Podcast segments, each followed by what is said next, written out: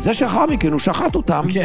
כי הם לא התאסלמו, זה עניין אחר. אבל האם יש בעצם באסלאם אמירה אנטי-יהודית? יש? לא, בלי סוף. האסלאם בראייתו הוא דת שהיא טובה לכל מקום, לכל זמן, לכל עם, לכל תרבות, כי כולם יכולים להיות מוסלמים. לא, חייבים להיות. וברגע שכל העולם יהיה מוסלמי, יהיה שלום. כי לא יריבו, על מה יריבו? אין לנו, כקולקטיב יהודי, שום סיבה לחיות במדינה הזאת, חוץ מאשר היהדות.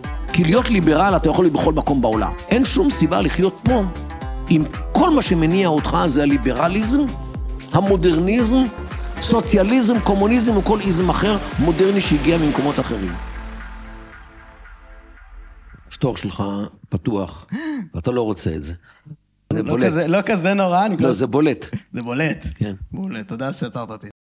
אין לי מושג מה עשיתי שמגיע לי הכבוד, אבל היום יושב איתי דוקטור מרדכי קידר. מזרחן בעל שם עולמי, מרצה בכיר, חוקר אסלאם, סופר, פרשן ומדינאי מהמצליחים והחשובים ביותר בישראל. ואולי גם האדם שהכי מבין את המורכבות והפוליטיקה במזרח התיכון בכל העולם. מרחבה דוקטור, איזה כבוד שאתה פה.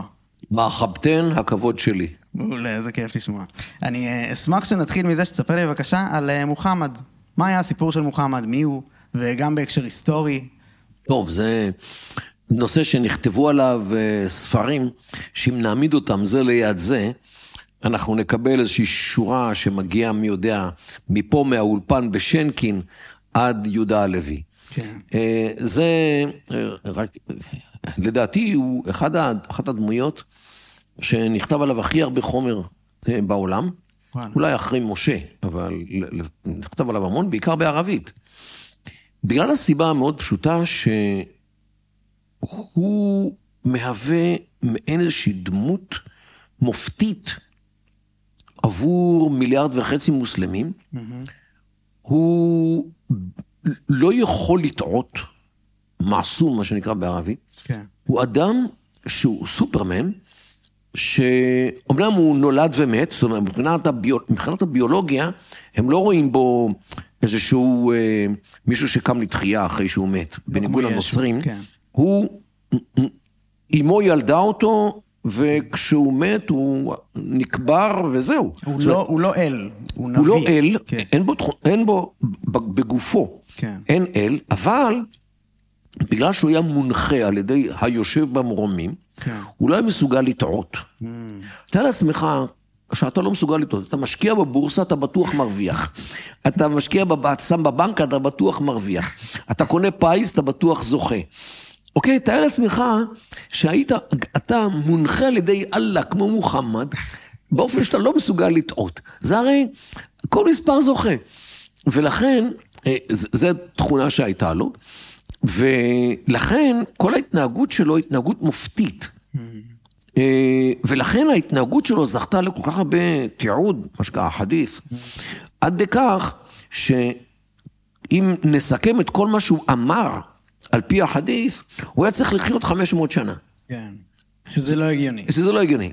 זאת אומרת, הדמות שלו, שנתפסה כדמות כל כך מופתית, גרמה לכך שחוברו לאורך השנים כל כך הרבה סיפורים עליו, שאתה כבר לא יודע מה נכון, מה לא נכון, כי 200 שנה לתוך האסלאם, הסיפורים האלו היו בעל פה. וואו.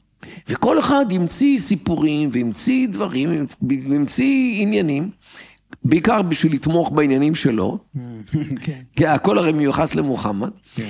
יוצא, יצא מצב שכל כך הרבה סיפורים סופרו עליו, שאתה כבר לא יודע מה נכון, מה לא נכון. אז זה הנקודה שבה אנחנו נמצאים כאנושות? אנחנו לא יודעים בדיוק מה או. כן ומה לא? המצב הזה יצר, יצר אפילו חוקר אחד בשם רוברט ספנסר, אמריקאי ממוצא לבנוני, שכתב בכלל ספר, האם מוחמד חי בכלל? האם הוא בכלל, האם זה לא דמות אה, של אוסטורה, מה שנקרא, דמות אגדית? כן. כמו סוקרטס, שעליו אנחנו יודעים שהוא רק מאפלטון. סוקרט בדיוק, או איוב, אם אתה נכון. יודע. כבר בתלמוד יש ויכוח, יש שאלה, האם איוב היה, או הוא משל וחידה? כן. ויש דעות לגיטימיות, שאומרות לא, הוא לא היה ולא נברא, אלא כל הסיפור על איוב הוא איזשהו סיפור שסופר כדי להלביש את הרעיונות על דמות, דמות אדם. ויש כאלה לפעמים עושים את הדברים הללו. אה, דמות ספרותית. ואיפה הבעיה? מוחמד, עם כל גודלו ותפארתו ומעשיו, אין שום תיעוד למה שהוא עשה ממקורות לא אסלאמיים בני זמנו. לא נוצרים ביזנטים, לא אתיופים. באתיופיה, וגם באיזשהו שלב היה לו קשר עם אתיופיה, אה, לפי הסיפור האסלאמי. זה, זה המיקום הגיאוגרפי שבו זה מתרחש? הוא, הוא חי במכה. מכה, מדינה, זאת אומרת בחיג'אז, כן. האזור המערבי של חצי האי ערב, mm-hmm. כן? אה, ואת זה... הנתון הזה אנחנו יודעים רק ממקורות אסלאמיים, רק בפנים. כן, כי הוא, מה שמסופר זה שהוא נולד לשבט קורייש, שחי במכה, והיגר למדינה, mm-hmm. לשבטים אחרים, בגלל שרדפו אותו, אבל לפני ההגירה למדינה, הוא מקודם שלח אנשים לאתיופיה, mm-hmm. כדי לברר אם אפשר גם לשם לעבור. זאת אומרת, היה, אם הוא חי, הוא חי, הוא חי באזור של חצי האי ערב והפריפריה. כך שהיו אה, אה, עמים או תרבויות ש, שנשקו לחיג'אז, וגם פעולותיו היו כאלו שאמורות היו אולי לגרום לכמה ביזנטים לכתוב על מה שקורה שם בחצי האי ערב, או אתיופים, או בתימן, אין, וואו. כלום. וזה מה שהוביל את רוברט ספנסר, הוא לא רק, הוא לא רק הוא, גם אחרים, בכלל להעלות שאלה, אולי זה בכלל דמות אגדית, שלא הייתה ולא נבראה, ובגלל שכולם מספרים עליה, אז היא כבר הפכה להיות ל... ל, ל, ל אגב, הנוצרים, הם, יש אותו סיפור עם ישו, כן. כי כל הסיפורים על ישו נכתבו על ידי פטרוס מאה שנה לאחר מכן, כן. ואין שום דבר מזמנו. ולכן הנוצרים אובססיביים למצוא הוכחות חפציות על קיומו של, של ישו. כל מסמר שמוצאים בירושלים, זה אולי המסמר, כל, כל, זה, זה אובססיה. יש חוקרים שאומרים שגם משה לא היה ולא נברא, נכון. וזו דמות אגדית. טוב, הנה לך, אנחנו מגיעים בהחלט לשאלה האם שלושת אה, מייסדי הדתות המונותאיסטיות היו אנשים אמיתיים או דמות אגדיות, דמויות אגדיות. אה, ומה, יש איזו תשובה? אתה, אתה לדעתך אין. קברו של משה לא קיים. כן. בעיקרון, זאת אומרת, נכון. הוא אמור היה להיקבר במקום, לפי הפרשנות, כדי שלא יהפוך למזר, כן. מה שנקרא, למקום עלייה לרגל. כי יש אנשים ש... לא בהר נבו? מי זה הר נבו? מה זה הר נבו? איפה הוא הר נבו? כן. בסדר. אמ, לכן... לא, כן, אין לזה שום, אה, לא מצאו שום שלד שלו, משהו כזה, כאילו. תראה, שלד מחזיק גם במדבר עשרות שנים, מאות שנים mm. במקרים מסוימים. אה, נכון, תכלס, כן. התהליכים... אה, שיניים, משהו כזה מוצאים, לא? בשל כל מיני דמויות אחרות, או שתתקן אותי אם אני... הכל תלוי בסביבה, כי mm. דברים נמסים. נכון. אה, גם, גם הסידן נמס מתישהו. כן. כך שבעניין הזה, שוב, אז, אז לגבי, כן. לגב, לכן מי שהיה מוחמד זה שאלה... אוקיי, עכשיו כן, לגבי אוקיי, הסיפורים. כן. רגע, אז רק לסכם, היסטורית אין לנו... אנחנו לא יודעים בוודאות כלום. שום הוכחה לקיומו מזמנו. כי כל מה שנכתב עליו, גם, אל תשכח החדית', הסיפור, הסיפור האסלאמי, היה 200 שנה בעל פה. Mm. כן. תאר לעצמך, אנחנו היום מה, 2023. משהו מ-1823, נגיד, ב... לא יודע, בצרפת, כן, ב... קרה שם משהו, לא נכתב בכלל, או אצלנו, נגיד, כן, הבעל שם טוב, כן. פחות או יותר אותה תקופה. לא נכתב כלום, הכל בסיפורים. נו, אתה יכול לבנות על סיפורים שאדם מעביר לאדם, שמעביר לאדם, שמעביר לאדם, השכחה. גורמת לאנשים לאבד. לגמרי. ולא רק זה, ההמצאות. כן. הרוח היוצרת. לגמרי. יכולה... ולכן... לילה שיכור אחד סביב המדורה והסיפור משתנה בדיוק, לחלוטין. בדיוק, או מלחמה אחת שמחסלת נכון, כמה אנשים שזוכרים סיפורים. וואו. וזה גם מה שקרה באסלאם. הקוראן, כן. שבתחילת אה, הדרך היה נשמר בעל פה, mm. עד שהוא נכתב כמה עשרות שנים אחרי שמוחמד מת. אה, למה כתבו אותו? כי אנשים שזכרו אותו בעל פה, מתו או בגלל גיל גבוה, או בגלל מלחמות, mm. או ששכחו, והתחילו גרסאות, אז אה, לא הייתה ברירה, החליף השלישי, אוסמן, כן. אה, הקים ועדה שתחליט על הנוסח הסופי, כדי אה, לכתוב את, לכ- לכתוב את הקוראן, שלא יהיה בעל פה. אה, לכן גם אה, שנאו אותו, כי, והרגו אותו בגלל זה, שהיו אנשים שהתפרנסו מהזכירה בעל פה של הקוראן, ובא הוא ורושם את הכל ולוקח להם את הפרנסה. גם, אל תשכח שכל אחד גם זכר משהו אחר קצת. אה, מילה פה, דברים קצת שונים. והוא הקים ועדה, והוא הזמין את כל אלה שזוכרים בעל פה, והוא עשה הכל לפי רוב. כלומר, לקח פסוק מסוים, שאל פלוני, איך אתה אומר את הפסוק הזה, איך אתה אומר, איך אתה אומר, עשרה נגיד היו, שבעה אמרו נוסח אחד, שלושה אמרו נוסח אחר, לקח את השבעה. פסוק הבא, תגיד, תגיד, תגיד, תגיד, לה היו שבעה אחרים, או הרכב אחר, אז תמיד היה מצב שלא לקחו ממך משהו. אתה נורא נעלב, הרי אתה זוכר, אוקיי? אז כעסו עליו, ורצחו אותו. אז אה, טוב, אני אשמח שנחזור לסק... ל... ל... ל... להמשיך את מוחמד, כי סגרנו את זה שהוא בעצם דמות אה, שאין, העדויות עליה זה משהו לא חד משמעי. מה הוא היה, מה החשיבות שלו? אה, אמרת שהוא אחד האנשים הכי כתוב, אולי הכי, שהכי הרבה כתבו עליו. מה החשיבות שלו לה... להיסטוריה שלנו, גם אם הוא לא היה קיים? ההיסטוריה שלנו אה, בהחלט מושפעת מהסיפורים על מה היה בין מוחמד לבין אה, היהודים. אגב, גם על זה נכתבו לא מעט מחקרים, על מוחמד והיהודים. אה, היחס שלו אל היהודים והיהדות, שזה שני צדדים של אותו מטבע, אה, היה מורכב. אה, צריך להבין, דבר ראשון, הוא למד מיהודי. ברור, בטוח, אם מוחמד חי, אכן במכה, אה, אם נקבל את כל הסיפורים שהוא אכן אמר, ברור שהיה על ידו יהודי. עכשיו, על פי הסיפורים באסלאם, באמת, בפמליה שלו, בין החבר'ה, היה יהודי אחד ששמו כעב, יהודי מתימן, שכנראה היה רב, שכנראה הסתבך עם הקהילה שלו באיזשהו שלב, וברח צפונה מתימן לחיג'אז, והתנחל בבית של סבא של מוחמד, שהיה כהן הקעבה, עבד אל-מוטלב קראו לו, והוא י- התנחל אצלו בבית, וישב עם, עם מוחמד הצעיר, וסיפר לו את סיפורי התורה, הנביאים, הכתובים, המשנה, תלמוד, מדרשים. ואיך יודעים? כי כשאתה קורא את הקוראן, אתה לא יכול להתעלם מהרעיונות, סיפורים, אישים, מאורעות, ש... מהתנ"ך, שמופיעים בקוראן. העולם נברא בשישה ימים. אללה ברא את, את אדם מטין, טין, בוץ, אה, אוקיי. כמו בעברית. אה, הושיב את אדם וחווה בג'נה, כן, בגן עדן. והם אכלו מהפרי האסור, הוא זרק אותם. לאחר מכן היו האנשים החטאים, וה... אללה הביא טוואפן, טייפון. טייפון, זאת אומרת, אה, מבול. מבול.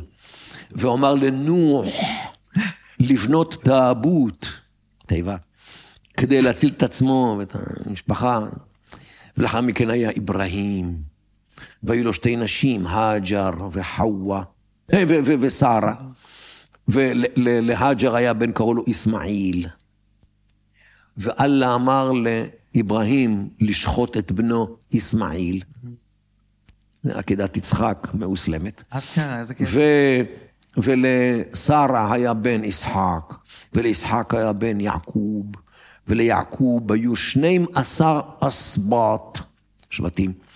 לך הם קראו יוסוף, ופרק 12 בקוראן מתאר את כל הסיפור של יוסף, עם הגלימה, ושעה וחלם חלומות, ואיזה חלומות. ואבא אמר לו. אל תגיד לאחים, הוא אמר להם, ולקחו אותו. זרקו אותו לבור. לקחו את הגלימה, שחטו אה, כבש, כן. ואמרו שזה הזאב, כן. שלחו לאבא, ושלחו אותו למצרים, ושם היה לו סיפור עם הגברת, זרקו אותו כן. לכלא, ושם היו שני עבדים של פרעה, של פרעון, שהוא חלמו את החלומות, והוא פתר להם את החלומות, והוציאו, כן, כל הסיפור, ובני ישראל במצרים. ברור, כשאתה קורא את הדברים הללו בקוראן, אתה לא יכול אה, להימלט מה, מהדמיון. כן. מהדמיון. ברור שמי שחיבר את הקוראן הכיר והיטב את המקורות היהודיים. זה אגב אחת הסיבות שמוחמד הואשם על ידי בני מכה, שכל מה שהוא מביא להם, הקוראן, הסיפורים הללו, זה הכל אסתיר אל אוולין. זאת אומרת, הסיפורים או המעשיות של הראשונים. וואו. בערבית אוול זה ראשון. כן. אוולין ראשונים. זאת אומרת, אתה שהוא ממחזר חומר יהודי וגם קצת נוצרי, גם על ישו יש לו שמה. אמ, הייתי אומר פלגיאטו. זאת אומרת, אה, גנב ספרותי. זה מה שהם האשימו אותו, צחקו עליו, ביזו אותו. עכשיו שים לב, איך יודעים שהם אמרו את זה? בקוראן זה מופיע. 11 פעמים בקוראן, מספר הקוראן שבני מכה מאשימים את מוחמד שכל הקוראן זה אסתיר אל אוולים. זאת אומרת, מה אתה מביא לנו? הכל... אה, הכל גנבת בעצם. אתה לוקח מהיהודים והנוצרים. ומספר לנו סיפורים. כן. אוקיי, מה, אללה? לגמרי, אז? איך מסבירים את זה? איך- אתה מסביר את זה? אז, ההקשר של, ההאשמה הזאת זה הקשר אפולוגטי. זאת אומרת, אללה אומר לו, הם אומרים לך, זה אסתיר אל אוולין, אמור להם, לא, אני מקבל את זה בוואחי, בהשראה אלוהית מג'בריל, גבריאל, עוד דמות תנ"כית. אוקיי? אז ההקשר הוא אה, אה, פולמי, אה, של ויכוח בינו זה לבין... כאילו גרסאות. כן, אבל לפחות ככה, לא, הקוראן מתעד את האווירה סביב מוחמד, שביזו אותו, השפילו אותו, צחקו עליו, כי הוא נתפס כפלגיאטור. כן. גנב ספרותי. גם שנאו אותו בגלל שהוא כל רצה לתקן את החברה. מה זה לתקן? לשנות להם את האורח חיים. ולכן אה, הוא ברח ב-622. על הספירה הוא ברח למדינה. אז עכשיו, איפה הקטע? בגלל ההאשמה הזאת, שכל מה שאתה מביא לנו זה מועתק מהיהודים, הייתה לו אובססיה עם היהדות. כי הוא היה צריך להוכיח, להראות, לדבר, לטעון, שמה שהבשורה שהוא מביא להם היא עצמאית, היא לא מהיהודים. אז לכן הוא מפתח, כבר בקוראן, יש את היחס השלילי ליהודים, יש גם יחס חיובי במקומות אחרים, אבל את היחס השלילי ליהודים, שהם ראי אירוע בדלו, זאת אומרת, זייפו וסילפו את כתבי הקודש, ומה שאני מביא זה אמת, כי זה מגיע ישר מאללה, מהלאוח אל-מחפוז, מהלוח השמור אצל, מהמקור שנמצא אצל אללה. היהודים הם בני קופים וחזירים, היהודים הם אויבי האסלאם, אויבי המאמינים. אה, היהודים הם, מה שקרה, אל-מרדוב עלייהם, אלה שחרון אפו של אללה רובץ עליהם. אז מה, אני אביא מהם חומר? מה? אתה מבין? אני מבין, אבל, אבל רגע, האם, אפשר להאמין לדעתך ועדיין כאילו אה, לא לשנוא יהודים? להיות מוסלמי, מאמין, ואתה מבין, אם זה כתוב בפנים... תראה, בחדית' יש, אה, גם בחדית' בעיקר, יש כל מיני אינסידנטים שמספרים על יחס טוב של מוחמד ליהודים. יש לנו איזשהו סיפור על, על כך שפעם הוא ישב במדינה, ישב עם החברים, ו... ב- ב- בית קפה. ו... ו... אה, על ידו ברחוב אה, הלוויה. של, יהודית. של יהודים. כן, היהודים לקחו מת לקבורה. אז הוא שאל מי זה היהודי שמת, אז אמרו לו, הוא אמר, מה, אני מכיר אותו, אדם מכובד. קם, יחד עם החברים, הוא קם לכבוד המת, ו... ועמד כל עוד ההלוויה הייתה מולו. כן. אבל הוא התיישב והמשיך לשתות. זאת אומרת, יחס של כבוד ליהודי מת, אה, מול הקהילה היהודית, אה, בסדר. אז זה. זה שאחר מכן הוא שחט אותם, כן. כי הם לא התאסלמו, זה עניין אחר. אז, אבל האם יש בעצם באסלאם אמירה אנטי-יהודית? יש? לא, בלי סוף. אבל זה, זה טבוע בפנים, כאילו... אז שוב, בגלל התחרות, תראה, גם הוא ניסה לאסלם את בני מדינה, היהודים, בני, מה שנקרא, שבט בני קורייזה, שחיו בעיר מדינה, והם סרבו. אגב, כדי לשכנע אותם, הוא הפנה את התפילה לירושלים למשך כ-16 חודש. כל עוד הוא קיווה שהפעולה הזאת תשכנע אותם להתאסלם. זה לא עזז, אז הוא שחט אותם, ולקח את הבנות. אז אה, אה, אה, מצד אחד יש לו יחס טוב, מצד שני, אתה רואה שהוא שוחט אותם. כן. הוא גם עשה את זה לעוד שני שבטים, לבנו נדיר ובני קיינוקה, שחיו על יד מדינה. כך שבסך הכל, השורה התחתונה זה שהיחס שלו ליהודים הייתה, היה רע מאוד, בסופו של דבר, עד לכך שיש חדיס שאומר, כמובן מצטט את מוחמד, שאומר, לא יכולות להיות שתי דתות בארץ הערבים. כן. בארץ האסלאם. לא, לא יכול להיות שיהיה אסלאם ועוד דת. זאת אומרת, לא ייתכן שיחיו פה יהודים ואו נוצרים. אוקיי, אז זה דוגמה ל... כן. הוא, הוא נגזר מהתנאים. אז, אז הסיפור שלנו בעצם משולב בתוך הקוראן ובהכל? כאילו אי אפשר להתחמק מזה. הכל, אי אפשר להתחמק מזה. אנחנו חלק, כאילו, אולי הרעים בסיפור אפילו. אוקיי, עכשיו, העניין הוא שהקוראן מבדיל בין על-יהוד לבין בני ישראל. בני ישראל, על פי האסלאם, זה עם מיתולוגי, שחי לפני מי יודע כמה שנים. כן, בממלכת יהודה. שאללה, כן, הוציא אותם ממצרים וכל הדברים הללו, והם נעלמו בגלל הגלויות והכל. היהוד זה היהודים הקונקרטיים שאתה רואה אותם חיים מול העיניים בכל מקום, בכל זמן. אלה יהוד. אין להם שום קשר עם בנו ישראל. הם לא, כי הרי היהוד, אנחנו יודעים מה זה יהודים, אלה שהם בני ממלכת יהודה. כן. כי ממלכת ישראל, אחר הפילוג בימי, כן, אחרי שלמה, אה, עבדו, זה עשרת השבטים. כן. שאתה לא, מוצא כל מיני שיערים שלהם באפגניסטן, פקיסטן, אינני יודע. אבל אה, אנחנו צאצאי שניים וחצי שבטים. יהודה, בנימין, שמעון כנראה, ולוי. לוי זה הכהנים והלוויים שחיים בתוכנו. אוקיי, זה בעצם שניים וחצי, שלושה שבטים, שיהיו פלוס הלוויים והכהנים. זה, זה מה שנשאר. אז זה היהוד. המוסלמים לא יודעים את ה-12 השבטים, את השמות, mm. כדי לדעת שהיהוד הם בעצם חלק מבני ישראל. אנחנו יודעים את זה כי אנחנו מכירים את שמות השבטים. אנחנו מכירים את ההיסטוריה, איך בני ישראל נהיו יהודה. כן. כן, מה שתיארנו. הם לא, לא, לא, לא מודעים לקשר. אז מה זה מייצר? זה עושה שבעצם אנחנו... זה יוצא שבנו ישראל זה עם מיתולוגי, שהוא לא קיים בכלל. אה.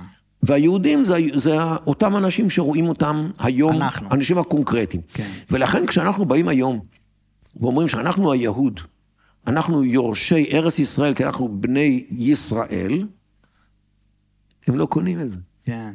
הם לא משתכנעים, אומרים, בני ישראל זה עם שהלך לאיבוד. אתם יהוד. בסדר. במציאות הזאת, האם אפשר לייצר איזשהו, אה, איזושהי קרבה, איזשהו אה, יחס אה, הגיוני, שלום אפילו? תראה, שלום על פי האסלאם זה דבר קצת שונה ממה שאנחנו חושבים. שלום זה מצב של אי לוחמה מתועדת. זה שלום. ותמיד שלום בין מוסלמי ללא מוסלמי, mm-hmm. מבוסס על כך שהמוסלמי לא מסוגל לחסל את הלא מוסלמי. כי בעיקרון האסלאם צריך לשלוט בכל העולם. כן.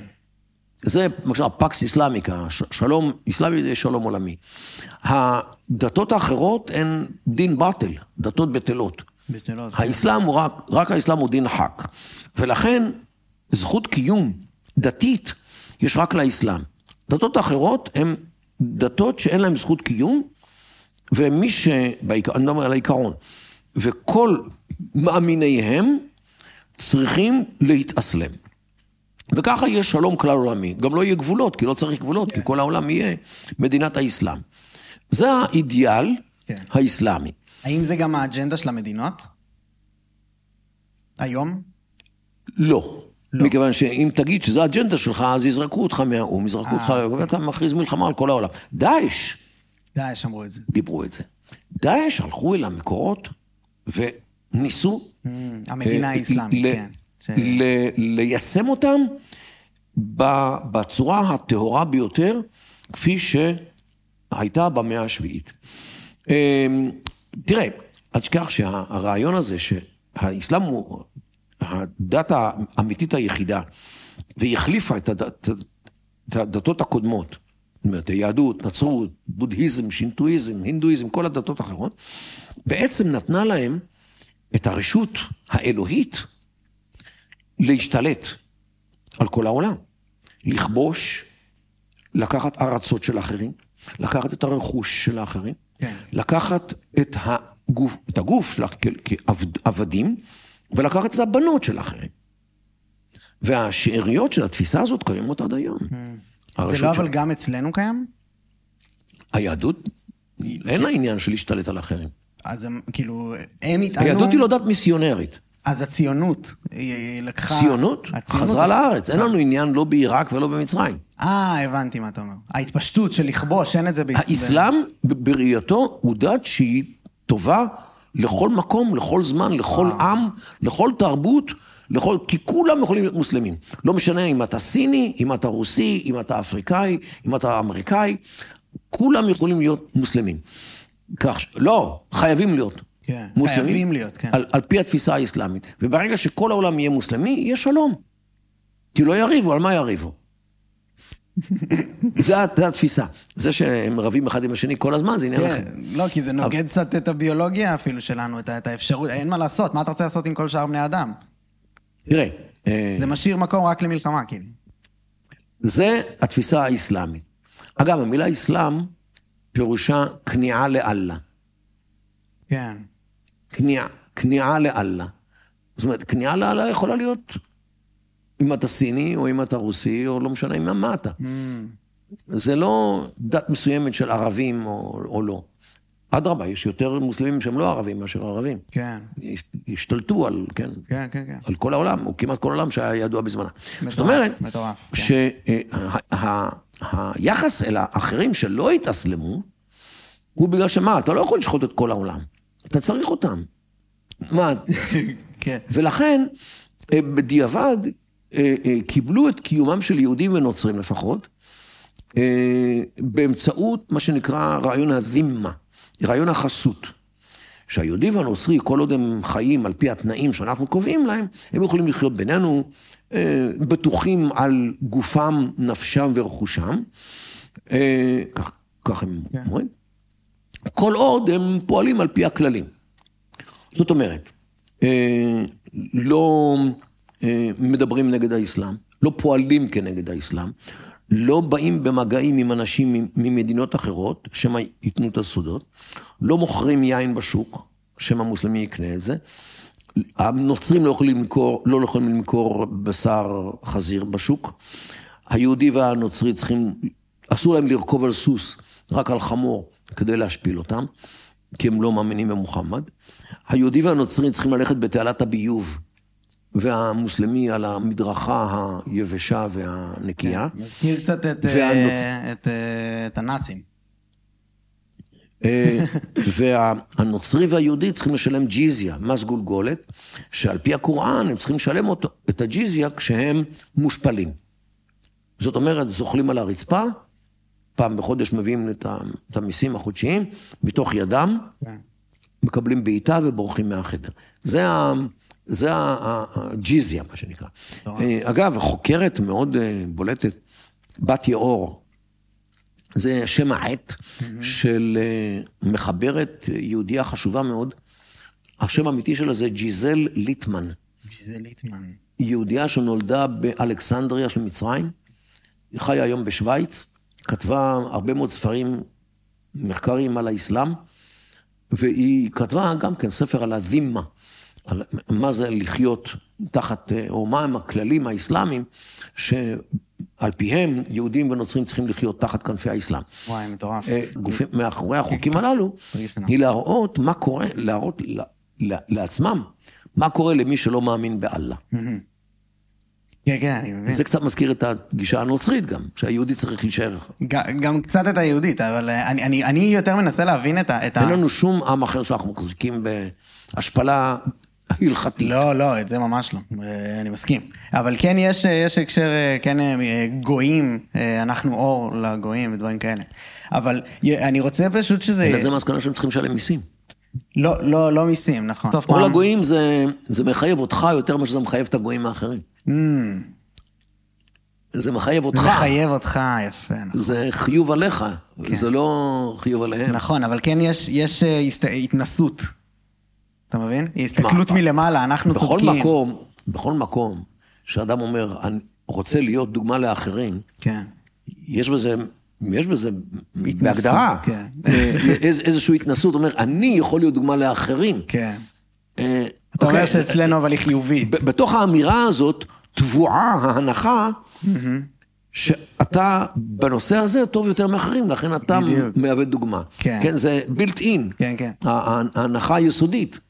בגלל שאתה יודע כן. והם לא, אתה מראה להם. ואתה אומר, עם זה אין בעיה, מה שיש בעיה זה שזה נהיה השפלה, זה נהיה... אה, בגלל זה שאתה מראה למישהו איך להתנהג, אתה לא משפיל אותו. נכון, כן. נכון, נכון, אתה צודק. אה, זה פשוט, אה, אני, אני זה זורק אותי בעיקר למורכבות של, של להסתדר במזרח התיכון מבחינה פוליטית, מבחינה מדינית, היום. אז תראה, שלום, כאשר המוסלמי לא מסוגל לחסל את הכופר, הוא יכול לתת לו שלום זמני. זה גם כן על בסיס התקדים שמוחמד נתן לכופרים של מכה. עשה איתם בשנת 628, שש שנים אחרי ההיג'רה. אה, הוא, הוא ירד למכה בשביל לתקוף אותם, אבל הם, היה להם צבא יותר גדול, אז אה, יצאו כנגדו, כן. ושני הצבאות, הוא הגיע מצפון ממדינה, הם באו מדרום ממכה, נפגשו ליד כפר שנקרא חודייביה. והוא ראה שהם גדולים, והוא לא רוצה להסתבך איתם, שהם יחסלו אותו. אז אה, הוא הגיע איתם, למס... הוא ישב איתם למשא ומתן, והגיע איתם לשלום זמני, לתשע שנים, תשעה חודשים ותשעה ימים. זאת אומרת, אפילו לא עשר שנים. והם חזרו למכה, הוא חזר למדינה, הם חיכו שנה, חיכו שנתיים, לראות שהוא מתכוון לזה, והוא לא, לא, לא תקף, אפילו פעם אחת הלך, הלך ל, כן, למ- למכה, ביקר, והם סמכו עליו שיש להם עוד שבע ומשהו שנים. הלכו לביזנס, קשרו את הבהמות, את הגמלים, שיירה אחת הלכה להודו, שיירה שנייה הלכה למה שהיום טורקיה, עברו על יד מדינה, עשו לו שלום, הוא עשה להם שלום, הכל טוב, הכל יפה. איך שהוא ראה שהם יצאו, תפס את הצבא שלו, פשט על מכה, אה, שרף את. כל האלילים. וואו. זה היה ב-630, שנתיים אחרי שחתם איתם, כן. לכמעט עשר שנים. וכן, וגמר את כל השלום הזמני, אסלם את מי שהסכים, שחט את מי שלא הסכים. ומזה לומדים המוסלמים עד היום, שני דברים. האחד, זה אם אתה לא יכול, אתה המוסלמי, לא מסוגל להכניע את הכופר, אתה יכול לתת לו שלום זמני. זה בסדר. מוחמד עשה את זה, והוא הרי היה מוכוון על ידי אללה, לא מסוגל להתלאות. הדבר השני זה כאשר, אם וכאשר, אללה, בטובו, נותן לך, המוסלמי, את ההזדמנות ואת היכולת לעשות לכופרים מה שצריך, אתה עושה להם מה שצריך, גם אם זה בתוך תקופת השלום הזמני. אוקיי? זה, זה מה שלומדים המוסלמים מהתקדים של שלום חודייביה. תגיד, זה טוב, זה מאה השביעית, מה היום? כן. ב... כשגמל עבד נאסר היה נשיא מצרים, הוא הוציא מהאזהר, אזהר זה המוסד הדתי העליון של הסונים במצרים, הוא הוציא מהם פתווה שמחייב אותו לצאת לג'יהאד נגד ישראל, או עד שישראל תיפול, או עד אחרית הימים, מה שיבוא קודם. אוקיי? כן. זה, ככה הוא הצדיק את המלחמות נגדנו והכל, באמצעים דתיים. ועד היום נשענים על זה? תראה. ואז בא סאדאת, אחריו, ובגלל כל מיני סיבות, הוא רוצה לעשות איתנו שלום כן. ב-77, 1977. איך הוא יכול? הרי כן. יש פתווה. הוא הולך אל האזהר ושואל אותם, האם אני יכול לעשות שלום עם הציונים? עכשיו, הם מקבלים את המשכורת שלהם ממנו, הם הבינו מה השאלה, והם הבינו מה הם נדרשים עכשיו, כי הם שמעו את זה, כבר היה בישראל, היוזמה והכל. הם מחברים לו פסק הלכה, שלושה עמודים מדהים ביופיו, שמרכזו הוא האמירה, כמו שנביאנו, עליו השלום, מוחמד בן עבדאללה, נתן שלום זמני לכופרים של מכה בחודייביה, ככה אתה יכול לתת שלום לציונים. זאת אומרת, זאת אומרת שבעצם השלום שסאדאת חתם איתנו ב-79, מוצדק. הוא בעצם שלום זמני.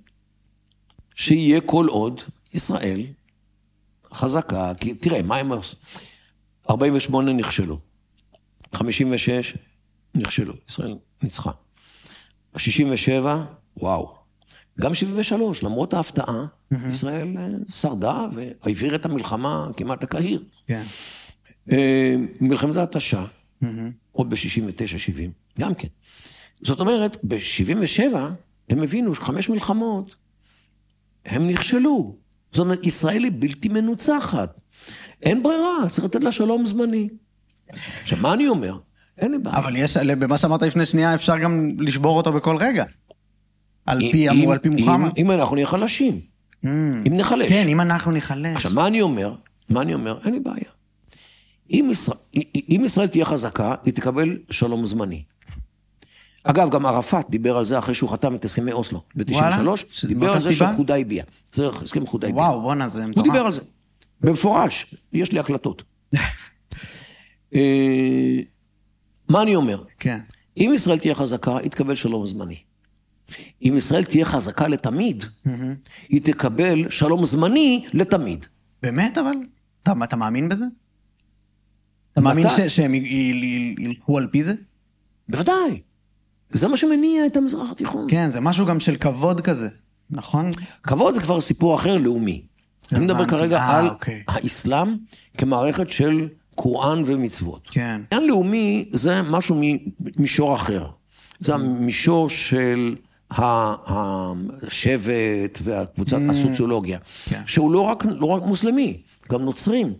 תשמע, ג'ורג' חבש, נוצרי, המחבלים שהיו לאורך השנים. נאיף חוואטמה, ראש החזית הדמוקרטית. נוצרי.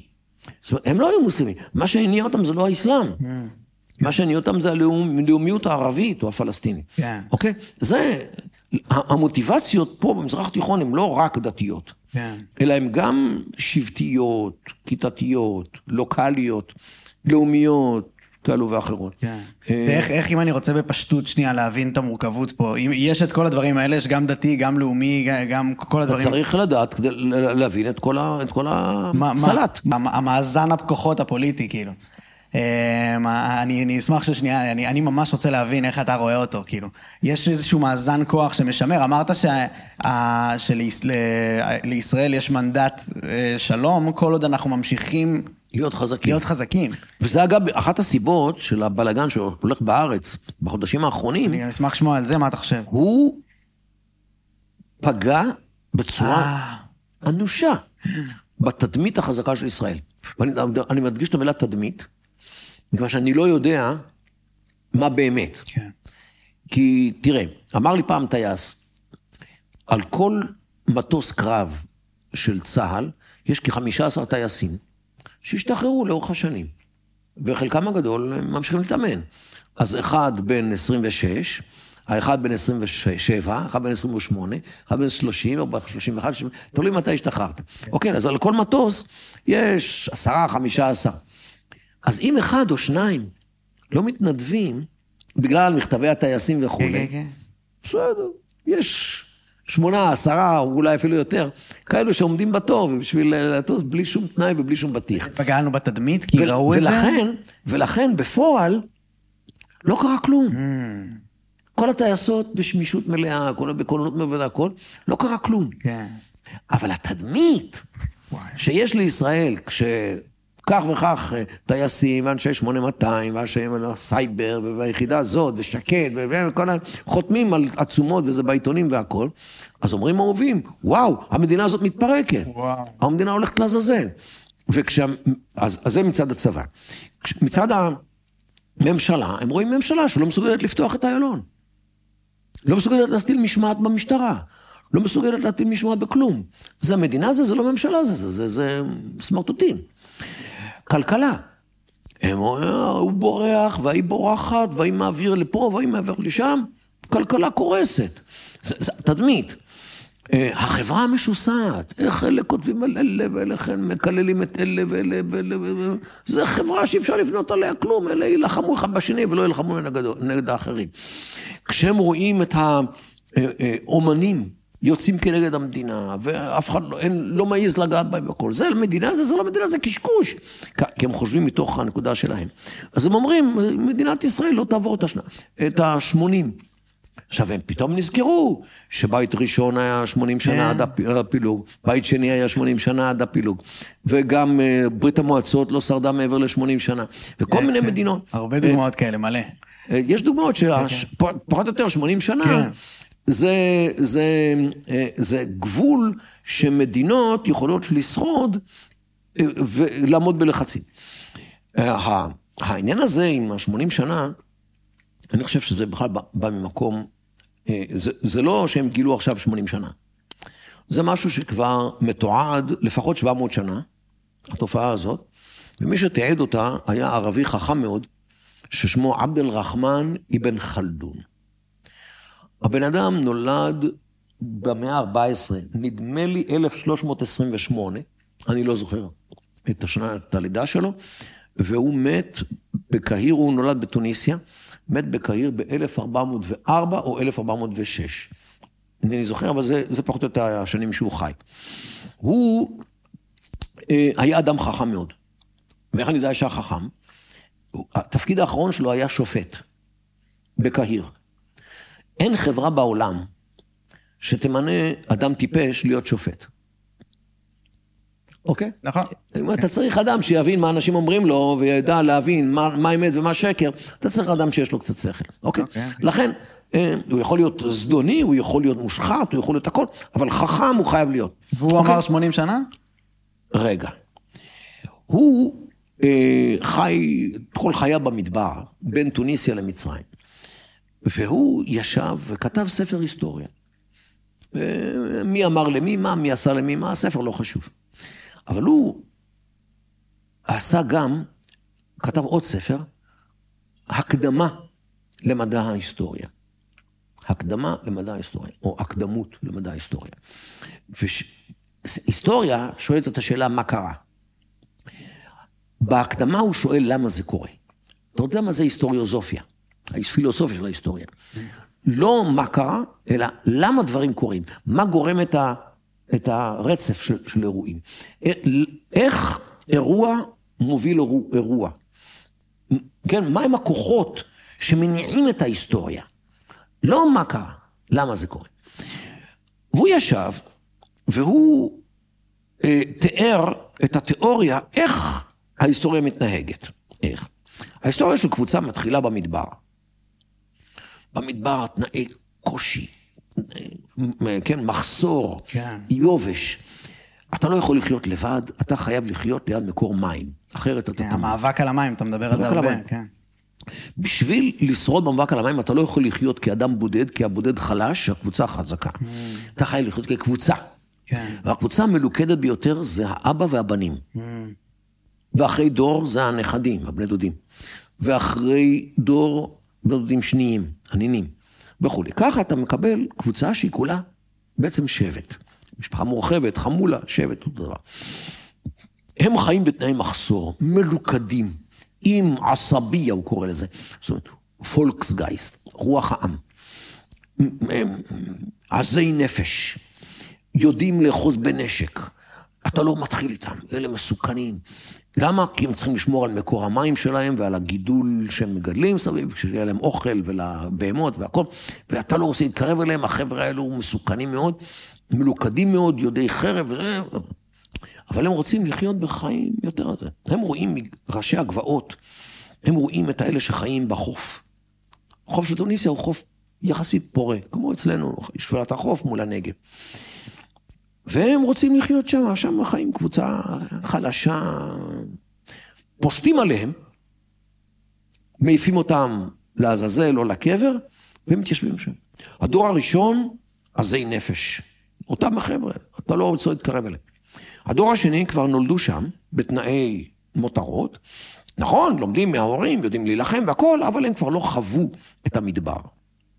הדור השלישי, כבר uh, מחלקים את הזה, אז הבית פה, אז הבית פה, למה, למה הפרה שלך אכלה אצלי, למה הכבשה שלך נכנסה אצלי ואכלה, מתחילים כבר להתחיל לריב, הסולידריות הולכת ונאכלת. הדור הרביעי כבר מתחילים עם uh, אלכוהול, סמים, והגיטרות, מתחילים להתפורר כבר, בכלל כבר לא יודעים איך להילחם והכל. וכן, מפורקים, מפוררים. בינתיים המדבר גדלה קבוצה עם עשביה, והם רואים מראשי הגבעות את האלו שם שרבים אחד עם השני, פושטים עליהם, זורקים אותם לעזאזל במקרה הטוב, לקרב במקרה הרע. הדור הראשון יודע חרב, הדור השני לומד מההורים, הדור השלישי מתחיל את המריבות, הדור הרביעי מעל אשכול, זה בינתיים המדבר. הבנת? כן. ברור. מה ההוכחה? אבן חלדון, מה ההוכחה שלו. לתיאוריה הזאת? בנו ישראל. בני ישראל. אללה מוצאים אותם ממצרים, משאיר אותם במדבר 40 שנה, כדי שיתחלף הדור, יגדלו במדבר, בתנאי מחסור, מלוכדים, מאוחדים, יודעי חרב ולומדי מלחמה. איתם אפשר לכבוש את הארץ, שהיא מפורקת ל-31 מלכים, 31 אה, אמירויות? ובני ישראל זורקים אותם לעזאזל, מתנחלים במקומם, מתחילים לריב אחד עם השני, השבטים פה, השבטים שמה, היה ניסיון להקים מלוכה, נכשלה אחרי שלושה דורות, וזה רבים אחד עם השני. בינתיים המדבר האשורים פושטים על הממלכה הצפונית, מלכת ישראל, בינתיים המדבר הבבלים פושטים על הממלכה היהודית, זורקים אותם לעזאזל, הנה לך. זאת אומרת, עכשיו, אבן חלדון הכיר את, את, את, את, את התנ"ך. איך? הוא חי בקהיר, את השנים האחרונות שלו. ושם יש קופטים, נוצרים, והם, התנ"ך שלהם הוא בערבית. בטוח. אבן חלדון השיג עותק, וקרא את התנ"ך אה, רגל על רגל. כן. ולכן הוא מתעד בספרו את כל תולדות בני ישראל כאיזושהי דוגמה לתיאוריה שלו של איך מתהווה עם בתנאי מחסור, ואיך הוא מתפרק כשהוא מגיע למנוחה ולנ... אחרי שהוא מגיע למנוחה ולנחלה. וזה מה שהוא אומר שקורה לנו? זה אבן חלדון. שכאמור מת בתחילת המאה ה-15. וואו. עכשיו תראה את כל התיאוריות על ה... מה שנקרא בסוציולוגיה המודרנית. זה בדיוק זה. כן. זה בדיוק. דור המייסדים, אלה שבאו מהמדבר, מהגלות, מהשואה, מהכל, באו עם ברק בעיניים, נלחמו למען תקומת העם. כן. מישהו קיבל משכורת באצ"ל, בלח"י או בהגנה? אף אחד לא חשב על... תיקח היום אחוז מהמשכורת של הצבא, יישארו, יעזבו. זאת אומרת, אה, אה, לאט לאט, עם שקם על אידיאולוגיה, ועל עשביה, על סולידריות. דתיים וחילונים ומזרחים ומערבים והכול, נלחמו יחד. כן. ולאט לאט הולכים ומתפרקים, כן. מתחילים לריב אחד עם השני, אתם אשכנזים, אתם פה, אתם שם, אתם מהפריפריה, ואתם הזה, ותשלטו עלינו, ואתם הליברלים, ואתם המסורתיים, ואתם הדתיים, והחרדים, והכל, כל אחד, מה שריבלין קורא השבטים, אה, מתחילים לריב אחד עם השני. בינתיים במדבר, החיזבאללה, רואים את זה, ובלוטות הג'יהאד שלהם מתנפחות. האיראנים רואים מה קורה פה, ומבינים שהישות הציונית הולכת לעזאזל. הסעודים רואים מה קורה אצלנו, הם אומרים, מה, יש לסמוך על זה? הולכים אל האיראנים. אתה, אתה רואה איך הכל דרך המשקפיים התרבותיים של המזרח התיכון, שאבן חלדון מתאר אותה. אני בטוח שבשביל 99 אחוז מהמאזינים שלך, אבן חלדון לא, לא, לא הכירו אותו. לא, כנראה לא ידעו עליו. גם אתה לא למדת עליו. גם אני לא, לא למדתי. למרות אגב שספרו המוקדימה, שהוא נותן את כל התיאוריה הזאת, תורגם לעברית. Mm. על ידי עמנואל קופלוביץ'. יצא לאור על ידי מוסד ביאליק, תחת השם הקדמות למדע ההיסטוריה. אני ממליץ בכל פה לשים את היד על הספר הזה. זה ספר מדהים. שבו הוא מתאר, מתעד איך חיים שבטים, ואיך הם מתנהגים, ואיך הם מתנהלים, ואיך אורח החיים שלהם. בשבילו הבדואים הם, זה, זה החברה האידיאלית. מפני שיש להם עשבייה, יש להם לכידות. העשירים, כן, אלה שחיים בבחבוחה, כן, במותרות, חברה מפורקת, חברה מפוררת, חברה, חברת שפע. חברה שמה שאכפת לה זה הקפה לאטה בבוקר והתה עם הקנה של הקינמון אה, אחר הצהריים. זה מה שמעניין אותם. לא מעניין אותם כלום, תביא, תביא לי את ה... את ה... זה שלי, בשבת אני רוצה לקנות זה, מה, תפתח לי את, ה... את הסופרמרקט והכל, מה אכפת לו שבת יואו, והכל. אז אתה אומר שעל פי מה שהוא אומר, וזה, המהפכה המשפטית וכל מה שעכשיו ממש קורה, המחאות והכל, מראה שאנחנו בעצם באותה התפררות שעליה הוא מדבר? הוא טוען שזה, הוא לא אומר את זה ככה, אבל הוא טוען שזו תופעה דטרמיניסטית. מחויבת במציאות. אין קבוצה אנושית שיכולה... האמת שלא נכון. וכאן אני, אני חייב ללכת אל מוישה רבינו. ספר דברים שאנחנו קוראים בימים הללו, הוא באין איזשהו נאום, רוב- רובו של ספר דברים הוא נאום הפרידה של, אה, של משה. בפרק ב', הוא אומר לבני ישראל, אתם עכשיו הולכים על יד מואב, ועל יד עמון, ועל יד אדום. אתם לא מקבלים מהם כלום. זאת אומרת, אתם לא... הם נשארים, אתם לא מקבלים אפילו מילימטר אחד מהאדמה שלכם, יש לכם ארץ כנען. אבל הוא, דרך אגב, הוא מספר להם שמואב, עמון וה, והאדומים, קודם לכן היו שם עמים, הרפאים, האימים, הזמזומים, החורים, אלה איך שחיו שם לפני, אה, אה, לפני שעמון ומואב ואדום באו. למה הוא מספר להם את זה? לא. מה זה חשוב? הם ממילא הולכים, לא הולכים לקבל שם כלום. למה זה חשוב? יש מוסר? אדום, יש מואב ויש עמון. עניין מוסרי כזה? למה, לא, אבל למה מעניין את בני ישראל עכשיו בנאום פרידה שלו, שהוא מספר להם מי היה קודם בארץ מואב, מי היה קודם בארץ עמון, מי היה קודם... מה שהוא אומר להם זה, תסתכלו על, המז... על... על המזרח התיכון. תסתכלו מה קורה. מגיע עם, ואם הוא לא בסדר, מגיע עם אחר לוקח לו. אתם עכשיו הולכים לקחת את ארץ כנען. יקרה לכם אותו דבר אם לא תלכו בדרכי. אם אתם רוצים לחיות לעולם, תלכו, תשמעו את המצוות, תשמעו את התורה, תשמעו את מה שאני אומר לכם, ואז אתם תהיו מחוץ להיסטוריה, אתם תהיו מחוץ לפרדיגמה של אבן חלדון. זה בעצם מה שהוא אומר. אם אתם רוצים לחיות לעולם, על ה... למען ירבו ימיכם וימי בניכם על האדמה אשר נשבע השם לאבותיכם, כימי השמיים על הארץ. זאת אומרת, למען ירבו הימים, כימי... כמה שהשמיים שוכבים על הארץ, ככה אתם תשבו שם. זאת אומרת, אתם תהיו מחוץ להיסטוריה, מחוץ להתפתחות ההיסטורית, אם תשמרו את המצוות שלי. אם לא, דינכם יהיה כדין כל העמים. אתם תבואו ותלכו לעזאזל. ואתה יודע מה?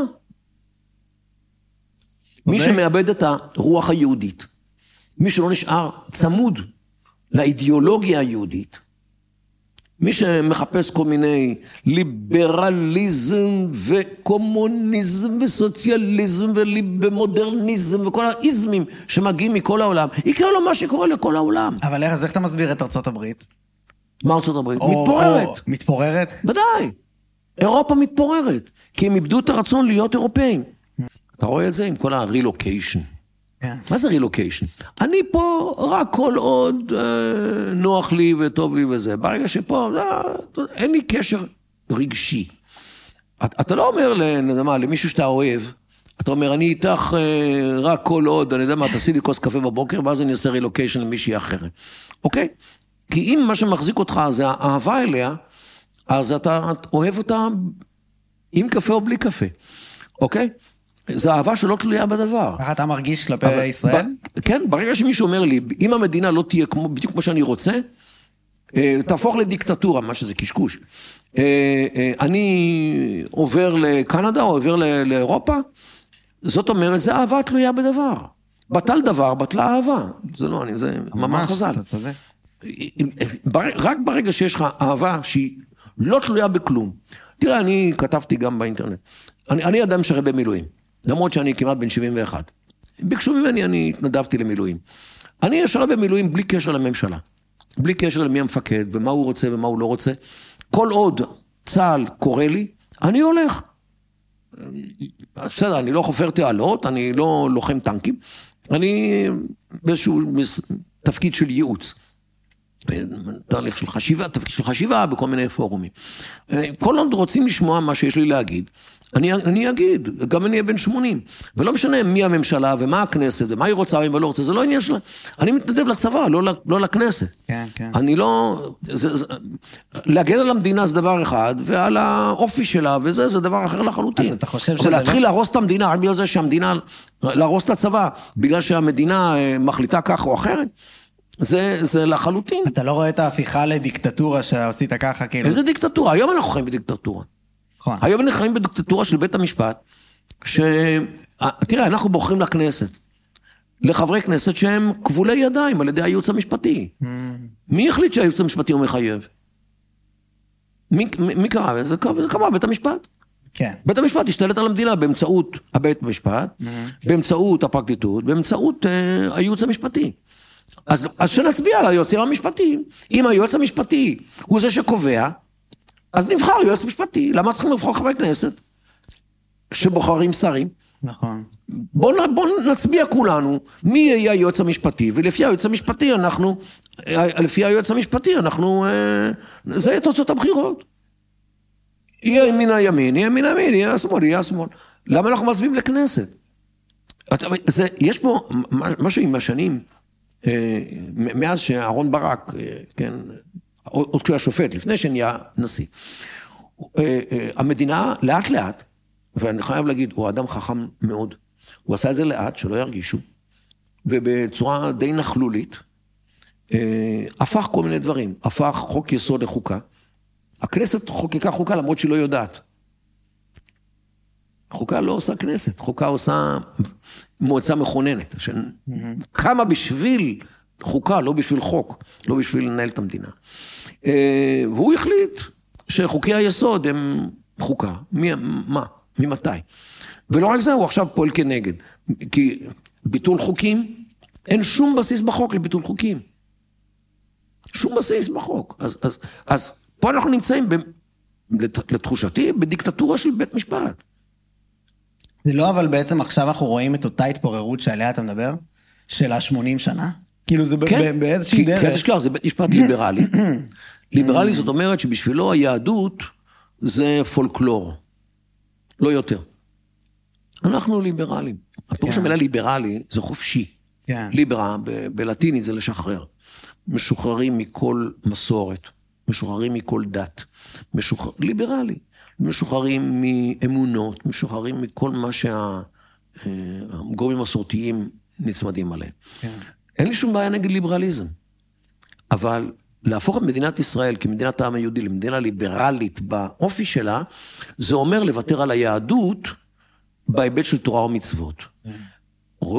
מדברים עם מישהו, אנחנו חזון הנביאים. חזון הנביאים זה גם, גם קיום מצוות. לא רק אה, צדק אה, בינלאומי ותיקון עולם. אני מכיר את התיקון עולם שיש בין נביאים, זה בסדר, אבל יש שם גם שמירת מצוות. אוקיי? גם זה יש בחזון הנביאים. אז לבוא ולהגיד חזון הנביאים, שזה כולו ליברליזם וחופש האדם וחירות מוחלטת, זה, אתה יודע, זה כמו לקרוא את עשרת הדיברות, תרצח, תנאף, תגנוב. כן. לדלג על הלא תרצח, לא תנאף, לא תגנוב. כן. אוקיי, אתה לא יכול לקרוא את הדבר הזה. אני חושב שאם מישהו עכשיו מקשיב לנו ויהיה לו איזושהי התנגדות למחשבה הזאת, שכאילו הדיקטטורה היא כבר עכשיו, והבית משפט וזה, זה בגלל שבעצם יש התפלגות למחנות, כמו שאתה ציינת, שזה גם חלק מה... מה שאמרת שקורה לכל עם, אז פשוט עכשיו, לא ההתפלגות עצמה, תראה, היא הבעיה. יש בארץ גם תופעות דמוגרפיות. כן. מה לעשות, נכון, הגורמים, נכון. הגורמים הדתיים, חרדים, מסורתיים, יש להם באופן משמעותי יותר ילדים כן. מאשר הגורמים הליברליים, חילוניים וכולי. אוקיי, זה עובדה שכל סטטיסטיקה תראה לך את זה. זה דבר ראשון. דבר שני, גורמים מסורתיים נוטים פחות לעזוב את המדינה, רילוקיישן, מאשר גורמים ליברליים, מודרניים, חילוניים. כן. עוזבים יותר. אז כשיש לך שני סקטורים, אני אדבר על בעיקרון. זה רצף, אבל זה בעיקר... שני סקטורים, אחד עם ילודה גבוהה והגירה נמוכה, והשני ילודה נמוכה והגירה גבוהה, עם השנים זה מגיע לידי ביטוי גם בדמוגרפיה של הכנסת. ולכן יש היום רוב מסורתי בכנסת גדול יותר מאשר הגורמים הליברליים פלוס הערבים, שהם 20% מהמדינה. נכון. אוקיי? בסדר, זה, זה בגדול. זה המצב, וזה הולך ונהיה יותר ויותר לאורך השנים. החלק המסורתי, דתי, חרדי של החברה היהודית, וכולם אזרחים, אה, הולך וגדל, לעומת החלק השני שהולך וקטן. אה, מה רוצים הגורמים הליברליים? להמשיך לשלוט במדינה. דרך מה? דרך מערכת המשפט. באמצעות הכללים שהמציא האדם הנאור. כן. סליחה, זה לא דמוקרטיה, זה דיקטטורה. כן? כשמיעוט שול, שולט ברוב, זה הגדרה של דיקטטורה. גם אם הוא מיעוט נאור בעיני עצמו, אה, ששולט בחשוכים בעיני הנאורים, אז, אז עדיין זה דיקטטורה. כי מיעוט שולט ברוב זה הגדרה של דיקטטורה. נכון. אוקיי? אז זה דיקטטורה שכאן זה משפטוקרטיה. אה, כמו שקרא לזה פעם, אה, נדמה לי קרא לזה אבינרי, פרופסור אבינרי. אוקיי, שלמה. זאת אומרת, איך שאתה רק לא מסתכל על זה, פה יש כמה דברים שמאיימים על האופי של המדינה ושל הלכידות שלה והכל. צריך להבין מה קורה פה, ולראות שאם אנחנו רוצים להישאר כמדינה אחת, חברה אחת, אין ברירה. אני לא אומר שצריכים פה אה, אה, חוק שכל אחד יצטרך יצטרך להניח תפילין. האחרון שיניח תפילין בכוח לאחרים זה, זה אני. אנשים צריכים לשמור יהדות, מצוות, מתוך בחירה, מתוך רצון, לא מתוך אה, כפייה. היהדות היא לא דת של כפייה, היא דת של בחירה, בחירה חופשית. אבל לבוא ולהגיד שאנחנו יהודים כי נולדנו יהודים, ואין לנו שום עניין עם המעש היהודי, כן? זה... למה לחיות פה? אפשר לעשות את זה גם בבריטניה, בצרפת, במקום אחר, למה להילחם פה? למה להישאר פה? כאילו רודפים אותנו ושואה וכל אלה. בשביל מה? זה הטענות. למ- למה- להילחם בערבים? לא, אנטישמיות אה, רגילה. אנטישמיות, יש לה סיבות אחרות, ובלי קשר ל... ל... יש אנטישמים שרואים בנו יהודים בגלל הדת, יש אנשים שרואים בנו אנטישמים בגלל הלאום, יש אנשים שגם וגם. יש, זה, אם תרצה, שיחה אחרת לחלוטין, מאיפה באה האנטישמיות ולמה וכולי. אבל מה שאני אומר זה שאין לנו, כקולקטיב יהודי, שום סיבה לחיות במדינה הזאת, חוץ מאשר היהדות. כי להיות ליברל אתה יכול להיות בכל מקום בעולם. נכון. מיפן במזרח עד אה, הוואי במערב. אוקיי? אין שום סיבה לחיות פה אם כל מה שמניע אותך זה הליברליזם, המודרניזם, סוציאליזם, קומוניזם וכל איזם אחר מודרני שהגיע ממקומות אחרים. הסיבה העיקרית לחיות במדינה הזאת, פה בארץ הזאת, זה היהדות. בהיבט הרחב ביותר שלה. אז לבוא ולהגיד שאנחנו אה, לא רוצים להיות קשורים לדת, זה קעקוע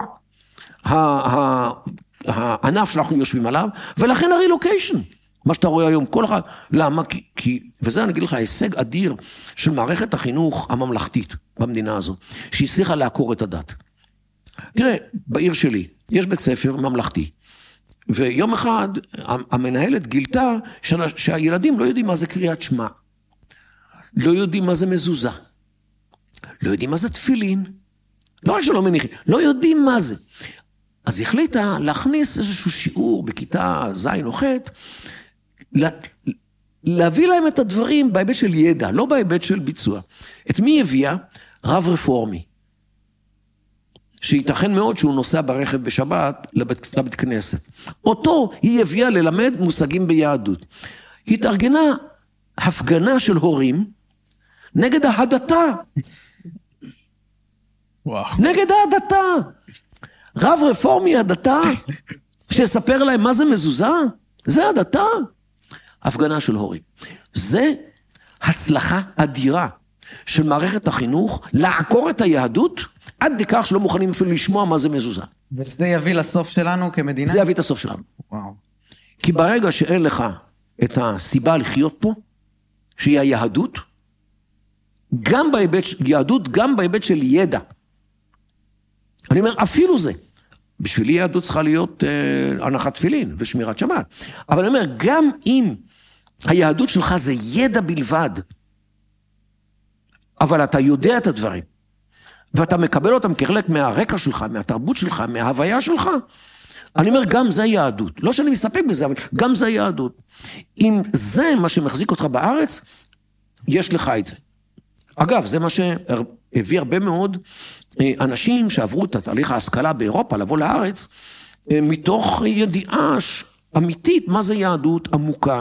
כי הסבא או האבא או ההוא היה רב, ההוא היה בבית המדרש והכל, עדיין זה, זה, זה זרם בעורקיהם. שמע, אבל ראילה משהו הילדות שלי, אני גדלתי בתל אביב. ובמרפסת, היינו אוכלים, בקיץ היינו אוכלים במרפסת, אה, כי לא היה מיזוג אוויר.